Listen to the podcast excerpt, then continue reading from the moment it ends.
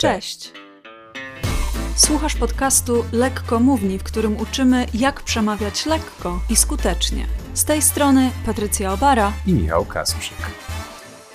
Rozwiń swoje umiejętności prezentacyjne w 30-dniowym wyzwaniu lekkomównych. Dzień dziesiąty. W poprzednim odcinku mówiłem, że są różne sposoby na to, żeby ustrukturyzować treść. Dzisiaj drugi z nich. I słuchajcie, jest wiele takich nagłówków w portalach różnego rodzaju, które od razu przykuwają naszą uwagę i są clickbaitami tak zwanymi. Na przykład mężczyzna schudł 20 kilo w miesiąc. Mm, wydaje nam się to nieprawdopodobne, ale chcemy wiedzieć jak. Wiemy, że to mało prawdopodobne i chcemy się dowiedzieć, jaka była sytuacja przed i co on zrobił, że doszedł do sytuacji końcowej. Ciekawi nas po prostu ten kontrast. Kontrast między tym, co było, a tym, co jest, lub tym, co jest i tym, co będzie. I Nancy Duarte, która jest jedną z największych ekspertek w dziedzinie komunikacji na świecie, zauważyła, że takie kontrasty działają też świetnie w przemówieniach. I zauważyła, że wielkie przemówienia, te, które są najlepiej pamiętane w historii, zawierają właśnie tego rodzaju kontrast.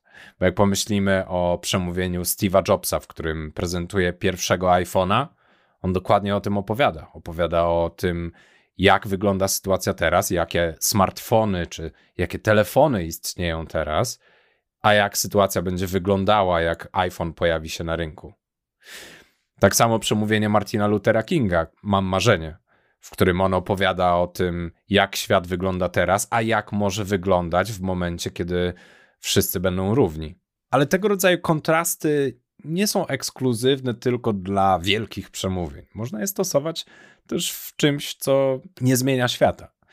W przemówieniach takich e, codziennych. Na przykład, jeżeli ktoś chce się czegoś nauczyć, to najpierw możemy mu opowiedzieć o tym, z czym się zmaga w tej chwili, a potem jak może wyglądać życie tej osoby po rozwiązaniu problemu albo można opowiedzieć o tym, jak wygląda teraz sytuacja w pracy, z jakimi problemami zmaga się firma, a jak będzie sytuacja wyglądała w momencie, kiedy wprowadzicie swój rewolucyjny projekt.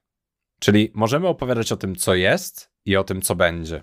I w momencie, kiedy pokażemy kontrast między tymi dwoma sytuacjami, to to będzie ciekawe. To będzie coś, co będzie przykuwało uwagę i coś, co pokaże odbiorcom, dlaczego powinni słuchać, dlaczego to jest wartościowe i dlaczego warto dążyć do tego, co będzie.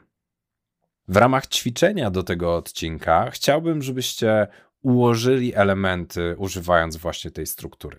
Czyli zastanówcie się, które elementy, które wypisaliście sobie w ramach brainstormingu i później zawęziliście, które z tych elementów przedstawiają sytuację obecną, a które z tych elementów pokazują pewną przyszłość, jakieś rozwiązanie.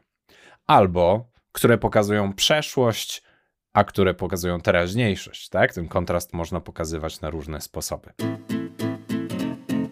I pamiętajcie, subskrybujcie podcast w Spotify'u albo w Apple Podcasts, albo tam, gdzie go teraz słuchacie. A jeżeli chcecie się odwdzięczyć, to zapraszamy na stronę lekkomownie.pl łamane przez dziękuję i tam są informacje o tym, co można zrobić. W następnym odcinku Patrycja opowie o określaniu języka wypowiedzi. Do usłyszenia.